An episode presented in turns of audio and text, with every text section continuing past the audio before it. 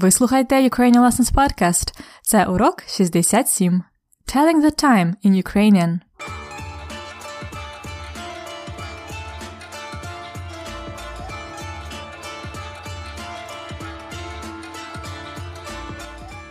Привіт! Це Анна з новим епізодом подкасту Уроки української.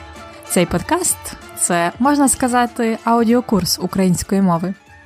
На уроках ви можете вивчати нові слова, слухати діалоги та тексти українською, відповідати на запитання, дізнаватися більше про Україну та українців.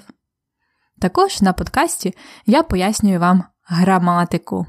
Головною темою другого сезону подкасту є відмінки. Так, минулого разу в епізоді 66 ми говорили про місцевий відмінок, про те, як його використовувати з місцями. А сьогодні ви будете вчитися вживати місцевий відмінок з часом. А також ви дізнаєтеся, як правильно питати і відповідати про час українською. Готові починати? До роботи! But first, let me tell you my introduction again in English. At the beginning, I said that we could call the Ukrainian Lessons podcast an audio course with which you can learn new words, listen to the dialogues and texts in Ukrainian, answer the questions, learn more about Ukraine and Ukrainians. Also, in the podcast, I explain some grammar to you. And uh, the main topic of the season two is cases. Last time we started to talk about the locative case and how to use it with the locations. In this episode, you're going to learn how to use it with time and how to ask for and tell time in Ukrainian. Very important one, right? Are you ready to begin? Готові починати? Let's get to work. До роботи. Let's start with the numbers, but not uh, один, два, три kind of numbers. We will learn the ordinal numbers today. Порядкові числівники.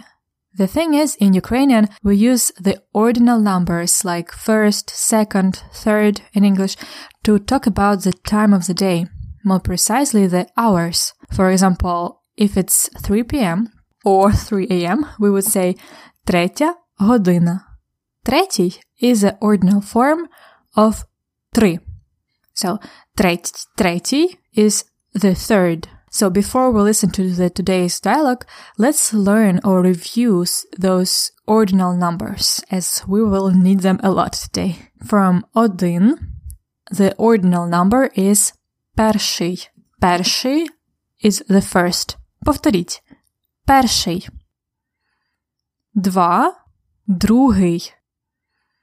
Second. Другий. Повторіть. Другий. Три. Третій. Actually, it starts like три. Тр. Третій. Чотири. Четвертий. П'ять. П'ятий. Шість. Шостий. Сім.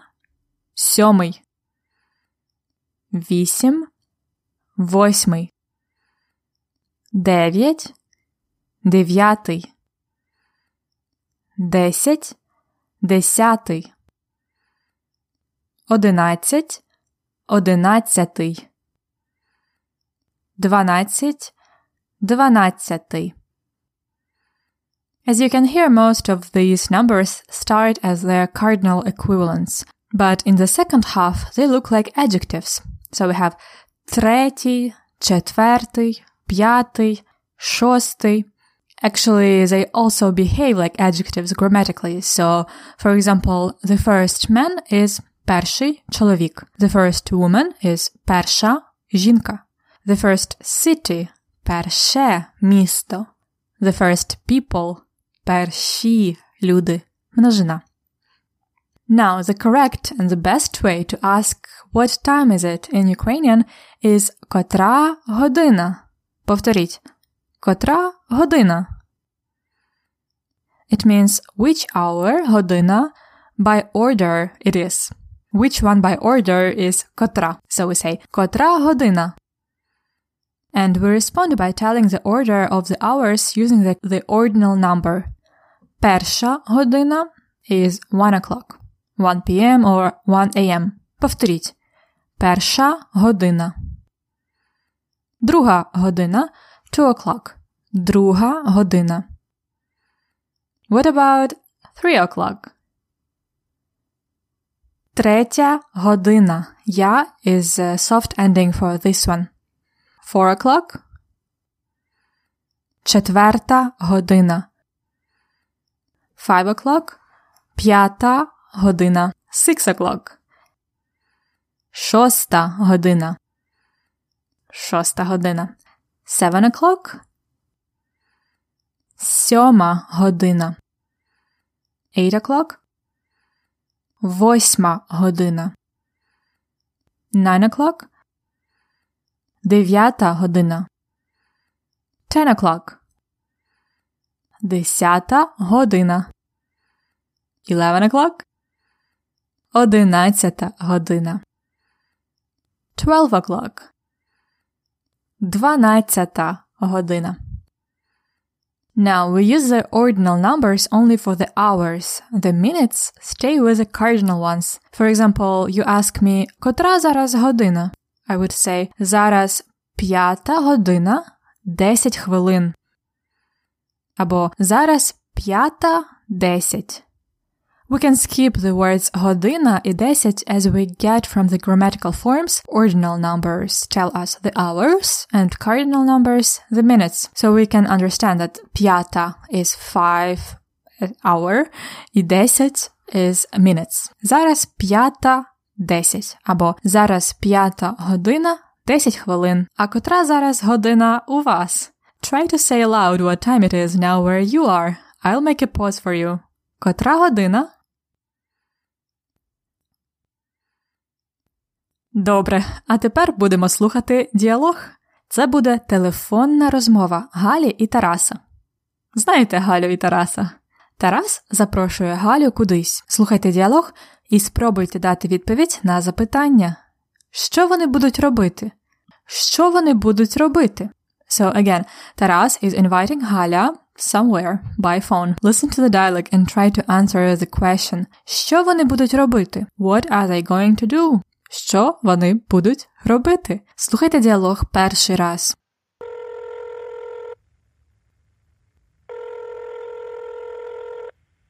Алло, Алло, привіт. привіт, Тарасе. Як ти поживаєш? Все нормально. А ти як? Ти зараз не зайнята? Та не дуже. Я прибираю. А що там? Ти чула про фестиваль документального кіно? Ми з Максимом думаємо сходити сьогодні на щось. Я б сходила. О котрій годині?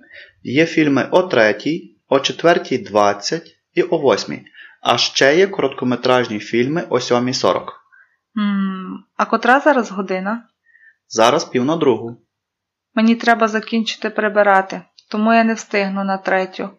А о восьмій занадто пізно, бо мені ще треба вчитися. Тоді о четвертій. О четвертій двадцять.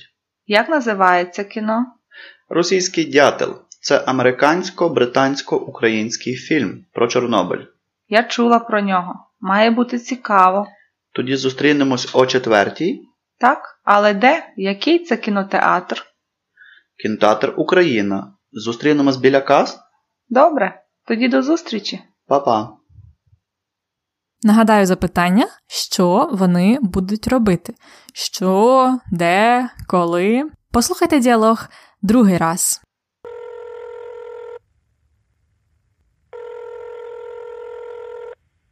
Алло, Алло, привіт. привіт, Тарасе. Як ти поживаєш? Все нормально. А ти як? Ти зараз не зайнята? Та не дуже. Я прибираю. А що там? Ти чула про фестиваль документального кіно? Ми з Максимом думаємо сходити сьогодні на щось. Я б сходила. О котрій годині? Є фільми о третій, о четвертій двадцять і о восьмій. А ще є короткометражні фільми о сьомій сорок. А котра зараз година? Зараз пів на другу. Мені треба закінчити прибирати, тому я не встигну на третю. А о восьмій занадто пізно, бо мені ще треба вчитися. Тоді о четвертій. О четвертій двадцять. Як називається кіно? Російський дятел Це американсько-британсько-український фільм про Чорнобиль. Я чула про нього. Має бути цікаво. Тоді зустрінемось о четвертій. Так, але де? Який це кінотеатр? Кінотеатр Україна. Зустрінемось біля кас. Добре, тоді до зустрічі. Па-па. То що будуть робити Галя і Тарас? You could say they are going to watch a documentary film. Вони будуть дивитися документальний фільм. Or you could also say they're going to go to the cinema for the festival of the documentary movies. Вони підуть в кінотеатр на фестиваль документального кіно. So see, we would prefer here to use the future is as one word, like підуть, not будуть іти. Because this is a one-time action they're going to do. Вони підуть в кінотеатр на фестиваль документального кіно. So they're going to the movies. Кінотеатр. Повторіть. Кінотеатр. Вони будуть дивитися там документальний фільм. Повторіть. Документальний фільм. So a movie can be film or кіно. So it's the same. Документальний фільм. Документальне кіно. There is a documentary film festival at the moment, and Taras і Максим are in thinking to go see something. Вони думають сходити на щось. They are thinking to go for something, for some movie. Послухайте. Ти чула про фестиваль документального кіно? Ми з Максимом думаємо сходити сьогодні на щось. Сходити is a perfective form of to go, as to go and come back. And in this uh, situation we use сходити because it's about one-time action. So that's why we use a perfective form. Ми з Максимом думаємо сходити сьогодні на щось. Then they want to agree on time. Слухайте ще раз. Я б сходила. О котрій годині? Є фільми о 3, о 4.20 і о 8. А ще є короткометражні фільми о 7.40. Я б сходила. I'd like to go. О котрій годині? This means at what time. Remember this structure. О котрій годині. We use the preposition о plus locative case to express the time here. So we use о плюс місцевий відмінок. О котрій годині. We can recognize the locative by the ending e in годині and e in the feminine adjective in locative. Повторіть ще раз. О котрій годині. The answer to this question will of course include again the preposition о and the locative. That's why he said є фільми о третій, о четвертій двадцять, о восьмій. А ще є короткометражні фільми о сьомій сорок. So we use those ordinal numbers in the locative case in locative feminine because the word is година. О третій, о четвертій двадцять і о восьмій. А ще є короткометражні фільми о сьомій сорок. Що таке короткометражні фільми? Короткий is short. Метр is meter. Так? Короткометражні means short films. Uh, the ones that are usually 10 to 30 minutes long. The opposite to повнометражні фільми. Повний is full, complete. Feature films. The ones uh, that we usually see in the movies. So, короткометражні фільми. Повнометражні фільми. They decide to watch повнометражний фільм. Пам'ятаєте, як він називається? Слухайте. Як називається кіно? Російський дятел це американсько-британсько-український фільм про Чорнобиль. Фільм називається або назва фільму Російський дятел. Це американсько-британсько-український фільм про Чорнобиль. It's an American British Ukrainian film about Chernobyl. We usually combine different things as adjectives with endings or for the all adjectives except the last one. So we say американсько, британсько, український фільм. So, they agreed on кіно і час. Тарас питає: Тоді зустрінемось о четвертій.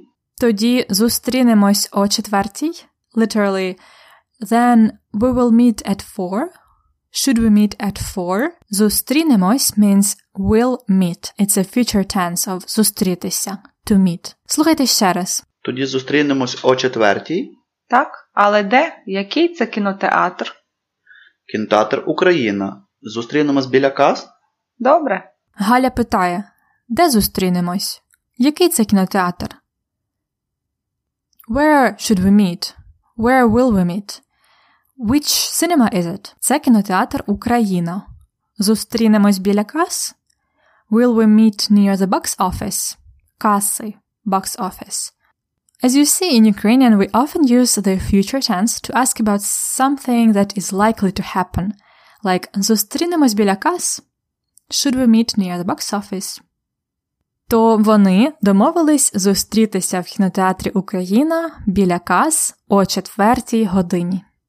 А тепер послухайте діалог ще раз. I hope you can understand it better now. Слухайте.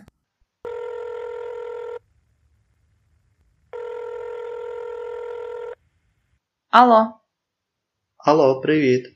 Привіт, Тарасе. Як ти поживаєш? Все нормально. А ти як? Ти зараз не зайнята? Та не дуже. Я прибираю. А що там? Ти чула про фестиваль документального кіно? Ми з Максимом думаємо сходити сьогодні на щось. Я б сходила. О котрій годині? Є фільми о третій, о четвертій двадцять і о восьмій. А ще є короткометражні фільми о сьомій сорок. М, а котра зараз година? Зараз пів на другу. Мені треба закінчити прибирати, тому я не встигну на третю. А о восьмій занадто пізно, бо мені ще треба вчитися. Тоді о четвертій. О четвертій двадцять.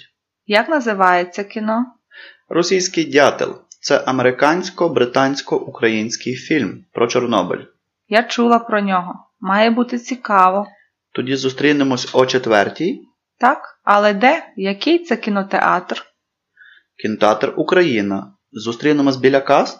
Добре, тоді до зустрічі. Па-па.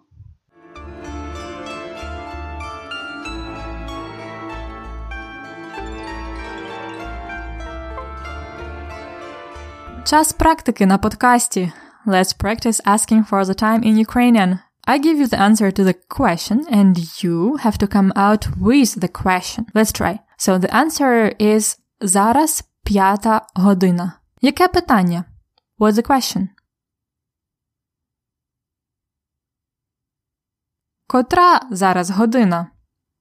Або просто котра година? What time is it? Добре, далі. Відповідь. Зустрінемось о 7.20. Яке питання?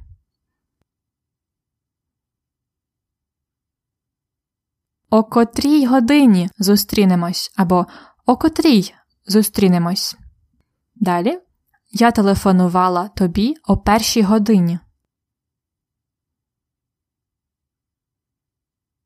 О котрій годині ти телефонувала? О котрій ти телефонувала? Далі. П'ята сорок п'ять.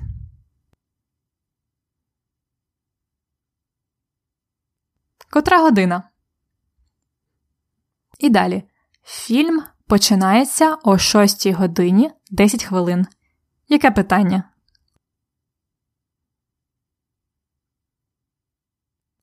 О котрій годині починається фільм? О котрій починається фільм? You could also say о котрій годині фільм починається. So you can actually practice telling the time in Ukrainian anytime you want to practice. But also you can do an exercise in the lesson notes of this episode.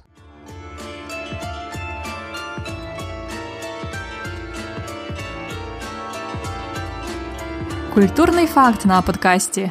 Поговоримо більше про час українською. Let's talk more about the time in Ukrainian and something else. If you had already the experience of talking to the native Ukrainians, you might have heard some other ways Ukrainians ask for and tell the time. They could say, Скільки годин? Honestly, in the town where I'm from, in Khmelnytska Oblast, I've heard this one much more than Котра година. So why would I teach you Котра година? The problem is skilke holduin is not correct Ukrainian. So I actually cannot teach you this one. Okay, maybe I should teach it because you need to know some real Ukrainian too, right? Skilke hodin is one of the forms of surzhik, the mix of Russian and Ukrainian. You should be able to recognize this form even though it's not correct because you need to understand people, right? So skilke hodin is uh, what time is it in bad Ukrainian, as well as the answers like дві години, два часа.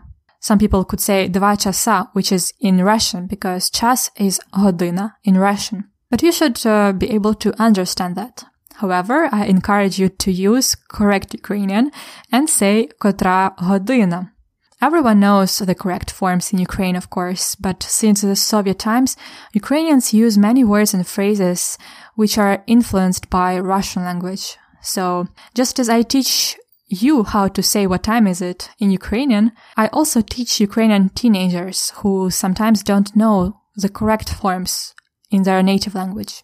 So let's change the future of Ukrainian language together and make it shine beautifully and correctly.